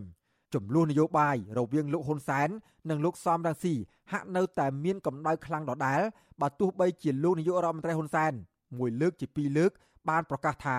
លោកមិនចង់រវីរវល់និងមិនចង់ឆ្លើយឆ្លងជាមួយលោកសំរងស៊ីដែលលោកហ៊ុនសែនតែងតែចាត់ទុកថា ជាមេឧទាមក្រៅច្បាប់ និងជាអ្នកនយោបាយរត់ចោលស្រុក ក៏ប៉ុន្តែជាក់ស្ដែងលោកហ៊ុនសែននៅតែបង្ហាញការបារម្ភយ៉ាងខ្លាំងអំពីឥទ្ធិពលរបស់លោកសំរងស៊ីនិងបានបញ្ចេញសកម្មភាពសងសឹកលោកសំរងស៊ីជាបន្តបន្ទាប់ហេតុអ្វីបានជាលោកហ៊ុនសែនមិនអាចបន្ធូរដៃឲ្យលោកសំរងស៊ីបាន បាទពីរដ្ឋធានីវ៉ាស៊ីនតោនលោកទីនសាការីយ៉ាមានសេចក្តីរាយការណ៍ពិស្ដារអំពីរឿងនេះនៅពេលដែលគេមើលឃើញថាលោកនាយករដ្ឋមន្ត្រីហ៊ុនសែនហាក់បន្ធូរដៃដល់សកម្មជនឈឺឆ្អាលពីបញ្ហាសង្គមហើយបានដោះលែងសកម្មជនទាំងអស់នោះជាបន្តបន្ទាប់ រួមទាំងមានលោករងឈុនផង សកម្មភាពនេះបានទទួលការសាទរពីសំណាក់អ្នកការពារសិទ្ធិមនុស្សនិងមហាជន គេសង្កេតឃើញថាកាយវិការហាក់ទន់ភ្លន់របស់លោកហ៊ុនសែនដោះលែងសកម្មជនទាំងនោះគឺនៅក្រៅពេលលោកហ៊ុនសែនបានទទួលញញួរជាផ្លូវការធ្វើជាប្រធានបដូវវេនរបស់អាស៊ានហើយដល់កម្ពុជាត្រូវធ្វើជាម្ចាស់ផ្ទះរៀបចំកិច្ចប្រជុំអាស៊ាននិងកិច្ចប្រជុំពាក់ព័ន្ធជាច្រើនទៀតក្នុងក្របខ័ណ្ឌអាស៊ាននៅឆ្នាំ2022 ព្រមទាំងកិច្ចប្រជុំកំពូលអាស៊ីអឺរ៉ុបនៅក្នុងខែវិច្ឆិកាឆ្នាំ2021នេះភាពទន់ភ្លន់មួយរំពេចរបស់លោកហ៊ុនសែនបានធ្វើឲ្យមនុស្សមិនតិចទេគិតបែបសុតិធិនិយមថាស្ថានភាពរំលោភបំពានសិទ្ធិមនុស្សនិងភាពតានតឹងផ្នែកនយោបាយនៅកម្ពុជាអាចនឹងមានភាពធូរស្រាលខ្លះៗនៅពេលកម្ពុជាធ្វើជាប្រធានអាស៊ានបដូវវេននិងធ្វើជាម្ចាស់ផ្ទះរៀបចំកិច្ចប្រជុំកំពូលអាស៊ីអឺរ៉ុបនោះជាការពិតណាស់ក្នុងនាមជាប្រធានអាស៊ានបដូវវេននៅឆ្នាំក្រោយ បញ្ហាមួយដល់កម្ពុជាធ្វើជាប្រធានបដូវវេនខិតខំបន្តដោះស្រាយគឺបញ្ហាវិបត្តិរំលោភសិទ្ធិមនុស្សនិងនយោបាយនៅក្នុងប្រទេសមីយ៉ាន់ម៉ាឬភូមាបញ្ហានេះសំណួរចោទនៅត្រង់ថាបើកម្ពុជាខ្លួនឯងនៅតែចាក់ស្រេះដោយបញ្ហារំលោភសិទ្ធិមនុស្សនឹងមិនអាចដោះស្រាយភាពចម្រូងចម្រាសនយោបាយផ្ទៃក្នុងខ្លួនឯងមិនទាន់ទាំងបានផងតើកម្ពុជាអាចមានទាំងមុតប្រៃឯណាទៅប្រដៅណែនាំរកដំណោះស្រាយឲ្យប្រទេសមីយ៉ាន់ម៉ាឬភូមានោះ ដូច្នេះហើយបានជាគេមើលឃើញថាការសម្រេចចិត្តដោះលែងសកម្មជនសង្គមមួយរំពេចរហូតដល់ទៅជាង30នាក់ប្រហែលជាលោកហ៊ុនសែនគិតខ្លះៗដែរពីមុខមាត់របស់កម្ពុជានឹងអាចជាការឆ្លោះកញ្ចក់ដោះក្អែលលាងសម្អាតខ្លួនឲ្យបាត់ក្លិនស្អុយបន្តិចក្នុងពេលកម្ពុជាកំពុងតែត្រៀមខ្លួនធ្វើជាអ្នកកាន់ញញួរដឹកនាំកិច្ចប្រជុំកំពូលអាស៊ាននោះទោះជាយ៉ាងណាក្តីរំពឹងថាអ្វីអ្វីអាចនឹងបានប្រសើរជាងមុនហាក់ធ្លាក់ចុះគ្រប់មកវិញនៅពេលរដ្ឋាភិបាលលហ៊ុនសែនបានបញ្ចេញសកម្មភាពជាហោហែ ក្នុងបំណងហាក់បន្តតាមកំតិចគណៈបកប្រឆាំងជាពិសេសគឺលោកសំរងស៊ីនិងអ្នកគាំទ្ររបស់លោកឲ្យដល់ទីបញ្ចប់នោះបន្ថែមពីនេះក្នុងមួយរយៈពេលដ៏ខ្លីលោកហ៊ុនសែនបានធ្វើសកម្មភាពជាច្រើនដើម្បីសងសឹកលោកសំរងស៊ីលោកហ៊ុនសែនបានថ្លែងគម្រាមចាប់ដាក់គុកត្រពាំង plong អ្នកទាំងឡាយណា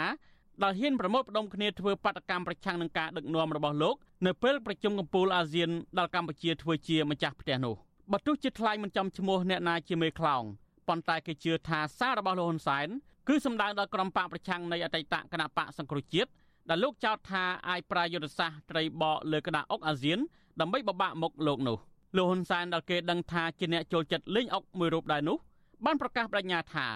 បើទោះជាលោកត្រូវប្រើសេះឬទូកក្តីក៏លោកត្រូវតែតាមស៊ីត្រីបកនោះក្រវត្តចោលដែររឿងទី2ដែលលោកហ៊ុនសែនខឹងលោកសំរងស៊ីស្ទើរដាច់ក្បាលដាច់កន្ទុយនោះគឺការអត្ថាធិប្បាយបន្ថែមរបស់លោកសំរងស៊ី ទៅលើការចាញ់ផ្សាយរបស់សារព័ត៌មាន The Guardian ដែលអះអាងថាលោកហ៊ុនសែនបានទិញសញ្ជាតិទី2នៅប្រទេសស៊ីបជាការឆ្លើយតបនឹងរឿងនេះលោកហ៊ុនសែនមិនត្រឹមតែបានបញ្ជាឲ្យកូនចៅរបស់ខ្លួនតាក់ទងសារព័ត៌មាន The Guardian ពន្យល់នោះទេលោកថែមទាំងប្រកាសធ្វើវិសោធនកម្មរដ្ឋធម្មនុញ្ញកំណត់សញ្ជាតិសម្រាប់អ្នកកាន់តំណែងកម្ពុជាកម្ពុជាទាំង4នៅកម្ពុជាឲ្យមានសញ្ជាតិខ្មែរតែមួយគត់ក្នុងនោះមាននាយករដ្ឋមន្ត្រីប្រធានសភាប្រសិទ្ធិនិងប្រធានក្រុមប្រឹក្សាធម្មនុញ្ញជាដើម ទោះជាលោកហ៊ុនសែនម្ដងនិយាយថាវិសោធនកម្មរដ្ឋធម្មនុញ្ញនេះដើម្បីបិទផ្លូវអ្នកមានសញ្ជាតិពីរធ្វើជានាយករដ្ឋមន្ត្រីនិងម្ដងនិយាយថាដើម្បីការពារសន្តិសុខជាតិពីការលុកលន់របស់បរទេសក្តីប៉ុន្តែអ្នកណាក៏ដឹងដែរថាលោកហ៊ុនសែនច្រឡោតឈានដល់ការធ្វើវិសោធនកម្មរដ្ឋធម្មនុញ្ញដោយសារតែលោកចង់ឌឺដង និងវាយបកដោយកំហឹងទល់នឹងកំហល់សងសឹកលោកសំរងស៊ី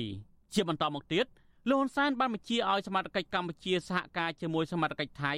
ចាប់បញ្ជូនខ្លួនអ្នកសរសេរកំណាព្យរិះគន់ការដឹកនាំរបស់លោកនិងសកម្មជនគណបកសង្គ្រោះជាតិពីប្រទេសថៃមកដាក់ពន្ធនាគារនៅព្រៃសរអ្នកទាំងពីរនេះនៅមុនពេលចាប់ខ្លួនលោកហ៊ុនសែនបានបដិញ្ញាថានឹងតាមចាប់ខ្លួនឲ្យបានបើទោះជាក្នុងតម្លៃណាក៏ដោយចំណែកអតីតមេឃុំគណបកសង្គ្រោះជាតិអ្នកស្រីឡាញ់ថាវរីក៏ត្រូវបានតុលាការឃុំខ្លួននៅពន្ធនាគារព្រៃសរក្រោយពីបញ្ជូនមកពីប្រទេសថៃតាមការស្នើសុំរបស់រដ្ឋាភិបាលលោកហ៊ុនសែនដែរ ការសងសឹកលើលោកសំរងស៊ីនិងប៉ាក់ពួកមិនទាន់ចប់ត្រឹមនេះទេកាលពីថ្ងៃទី17វិច្ឆិកាតុលាការក្រុងភ្នំពេញមិនបានអនុញ្ញាតឲ្យសកម្មជនគណៈបកសង្គ្រោះជាតិចំនួន14នាក់ឲ្យនៅក្រៅខុំបណ្ដោះអាសន្ននោះឡើយទោះបីជាពួកគេបានជាប់ពន្ធនាគារជិត2ឆ្នាំដោយមិនទាន់មានការជំនុំជម្រះក្តីក៏ដោយពួកគេត្រូវបានចាប់ប្រកាន់ពីបទរួមគំនិតក្បត់ញុះញង់ឲ្យមានភាពវឹកវរធ្ងន់ធ្ងរដល់សន្តិសុខសង្គមនិងញុះញង់មិនឲ្យយោធិនស្ដាប់បង្គាប់បន្ថែមពីលើនេះ តឡាការនៃរដ្ឋាភិបាលលហ៊ុនសែនកាលពីថ្ងៃទី16វិច្ឆិកាបានចេញលិខិតកោះហៅលោកសំរងស៊ីមន្ត្រីនិងសកម្មជនបកប្រឆាំងចំនួន42រូបចូលរួមក្នុងសវនាការនៅថ្ងៃទី7ធ្នូក្នុងសំណុំរឿងរួមគណិតក្បត់និងញុះញង់ពាក់ព័ន្ធនឹងដំណើរមេត្តាភូមិនិវត្តរបស់លោកសំរងស៊ីកាលពីចុងឆ្នាំ2019មែនតើទៅសំណុំរឿងនេះមានជនជាប់ចោតរហូតដល់ជាង130នាក់ក្នុងចំណោមពួកគេអ្នកខ្លះកំពុងរស់នៅបរទេសដោយសារតែរដ្ឋាភិបាលលហ៊ុនសែនមិនអនុញ្ញាតឲ្យចូលកម្ពុជាវិញ បើទោះបីជាពួកគេស្នើសុំចូលតតាំងរឿងក្តីនៅតុលាការជាច្រើនដងក៏ដោយអស់ចាជាងនេះទៅទៀតនោះគណៈបកបៃដងជាតិដែលត្រូវបានគណៈបកប្រជាជនកម្ពុជាចាប់ប្រកាន់ថាត្រូវបានបង្កើតឡើងដោយមានការជួយជ្រោមជ្រែងនិងប្រើប្រាស់ថវិកាលោកនីលការដៃរបស់លោកសំរងស៊ីគណៈបកនេះក៏ត្រូវបានរដ្ឋាភិបាលលហ៊ុនសែនមិនអនុញ្ញាតឲ្យបង្កើតដែរចំណែកស្ថាបនិកនៃគណៈបកនេះក៏អាចប្រឈមនឹងការចាប់ប្រកាន់ពីតុលាការថែមទៀតផងជាចុងក្រោយអ្វីដែលគេមិនបាននឹកស្មានដល់នោះតុលាការនៃរដ្ឋាភិបាលលហ៊ុនសែន បានចេញដីកាសម្រេចដាក់លក់ដីនិងទ្រព្យសម្បត្តិនៃទីស្នាក់ការគណៈបកសង្គ្រោះជាតិដែលជាទ្រព្យសម្បត្តិរបស់លោកសំរងស៊ីនិងភរិយាដើម្បីសងសំណងរដ្ឋភវេនីដល់លោកហ៊ុនសែននិងលោកហេងសំរិនលោកសខេងនិងមេធាវីតំណាងរដ្ឋាភិបាលកម្ពុជាក្នុងសំណុំរឿងបរិហាកេនិងញុះញង់ការប្រកាសលក់ទ្រព្យសម្បត្តិរបស់លោកសំរងស៊ីដើម្បីសងលោកហ៊ុនសែនត្រូវបានគេមើលឃើញថាជាការឌឺដងរបស់លោកហ៊ុនសែនទៅកាន់សហរដ្ឋអាមេរិកដែលកាលពីពេលថ្មីថ្មីនេះ បានសម្រេចដាក់ទណ្ឌកម្មមន្ត្រីយោធាជាន់ខ្ពស់ថ្នាក់ឧត្តមសេនីយ៍កម្ពុជាពីររូបពាក់ព័ន្ធនឹងអំពើពុករលួយក្នុងការសាងសង់មូលដ្ឋានទ័ពជើងទឹករៀម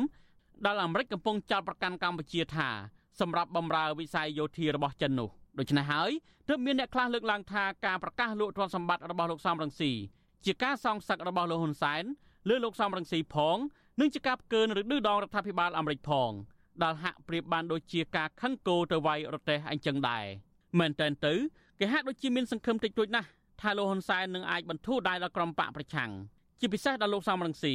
ដោយសារតែនៅក្នុងក្រសែភ្នែករបស់លោកហ៊ុនសែនតាំងពីដើមទីមកលោកសំរងស៊ីគឺជាគូប្រជែងប្រកបដោយការបារម្ភតែមួយគត់ដែលអាចធ្វើឲ្យរង្គោះរង្គើដល់ការកាន់អំណាចរបស់លោកជាពិសេសបើសិនជាលោកហ៊ុនសែនហ៊ានបើកឲ្យលោកសំរងស៊ីប្រណាំងប្រជែងនយោបាយដោយចំហយុទ្ធធរនិងស្មើភាពនោះភាពខ្លាំងរបស់លោកសំរងស៊ីត្រូវបានគេមើលឃើញចាប់តាំងពីពេលលោកស្ថិតនៅជាមួយគណៈបកហ្វុនស៊ិនពេជ្រ កាលពីមិនទាន់បែកបាក់មកម្លេះលោកគឺជាអតីតរដ្ឋមន្ត្រីក្រសួងសេដ្ឋកិច្ចដែលទទួលបានការកោតសរសើរចំពោះការដឹកនាំក្រសួងនេះនិងចំណាត់ការលើជនពុករលួយលោកគឺជាមេដឹកនាំបកប្រឆាំងដំបូងគេដែលបាក់បកបានត្រឹមតែ3ឆ្នាំតែអាចទទួលបានអាសនៈក្នុងរដ្ឋសភារហូតដល់ទៅ15អាសនៈក្នុងការបោះឆ្នោតឆ្នាំ1598ចំនួនអាសនៈសភាគណៈបករបស់លោកបានកើនឡើងជារៀងរាល់អាណត្តិនៅទីបំផុតក្រោយការបង្រួបបង្រួមបង្កើតគណៈបកសង្គ្រោះជាតិគណៈបកប្រឆាំងមួយនេះ ស្ទើរតែធ្វើឲ្យគណៈបកប្រជាជនកម្ពុជារបស់លោកហ៊ុនសែនបាត់បង់អំណាចកាលពីឆ្នាំ2013បកប្រឆាំងបន្តរក្សាភាពខ្លាំងរបស់ខ្លួនរហូតដល់ការបោះឆ្នោតជ្រើសរើសក្រុមប្រឹក្សាឃុំសង្កាត់នៅឆ្នាំ2017ដោយសារតែភាពខ្លាំងនេះហើយទើបនៅទីបំផុតទៅធ្វើឲ្យលោកហ៊ុនសែនរត់តែបារម្ភកាន់តែខ្លាំងឡើងខ្លាំងឡើងគឺបារម្ភរហូតដល់រំលាយគណៈបកនេះចោលតែម្ដងនៅថ្ងៃទី16វិច្ឆិកាឆ្នាំ2017រហូតមកដល់ពេលនេះ ទោះបីជាគណៈបកសង្គ្រោះជាតិត្រូវបានលោកហ៊ុនសែនរំលាយជាង4ឆ្នាំមកហើយក្តីតែលោកហ៊ុនសែននៅតែបន្តបារម្ភអំពីការវិលត្រឡប់មកវិញនៃគណៈបកប្រឆាំងនិងបារម្ភពីវោហារសាស្ត្រនយោបាយរបស់លោកសំរងស៊ី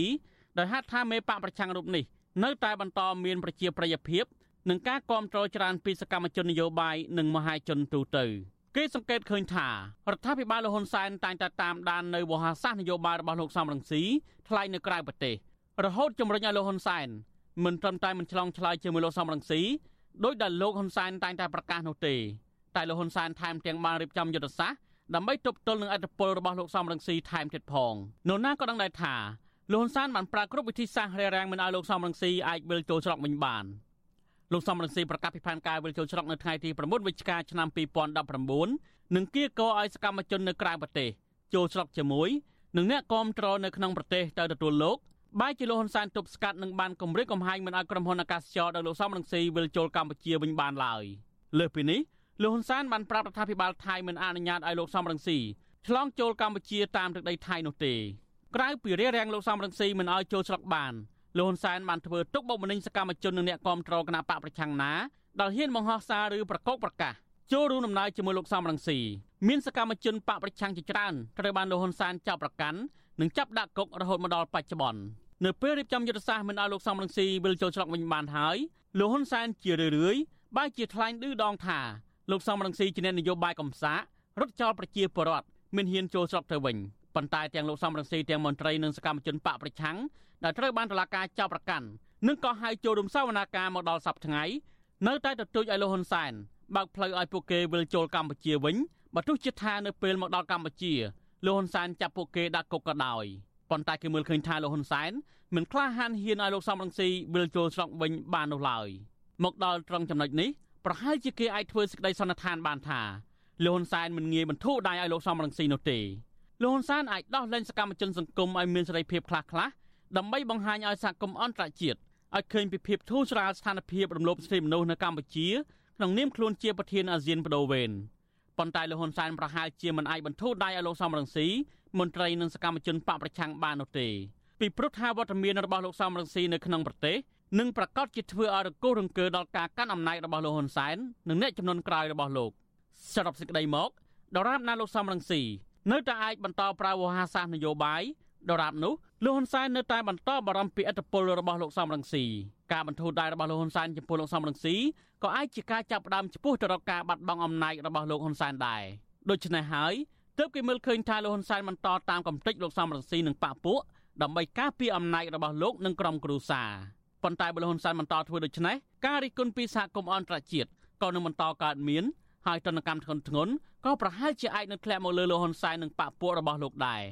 ចំណែកឯលោកសំរងស៊ីវិញបើទោះជាលោកហ៊ុនសែនមិនបន្ធូរដៃក្តីលោកសំរងស៊ីក៏បានប្រកាសរួចហើយដែរថា លោកនឹងនៅតែបន្តជឿឆ្អាលពីរឿងនយោបាយនៅកម្ពុជា ជាដរាបខ្ញុំទីនសាការីយ៉ាអសិសរីប្រធានីវ៉ាស៊ីនតោន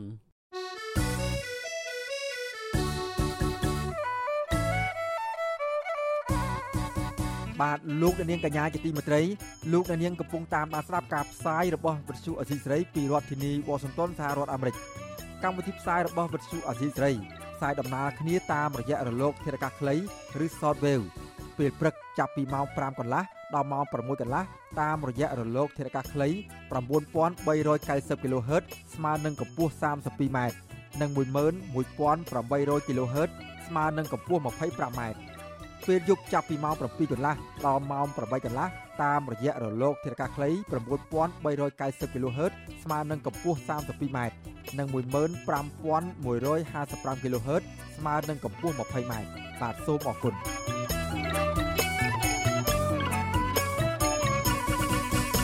កម្មវិធីផ្សាយរយៈពេល1ម៉ោងរបស់វិទ្យុអសីស្រីសម្រាប់ព្រឹកនេះចប់តែប៉ុណ្ណេះយើងខ្ញុំសូមគោរពជូនពរដល់អស់លោកអ្នកនាងព្រមទាំងក្រុមគ្រួសារទាំងអស់ឲ្យជួបប្រកបតែនឹងសេចក្តីសុខចម្រើនរុងរឿងកំបីគ្លៀងគ្លាឡើយខ្ញុំបាទសេកបណ្ឌិតព្រមទាំងក្រុមការងារទាំងអស់នៃវិទ្យុអាស៊ីសេរីសូមអរគុណនិងសូមជម្រាបលា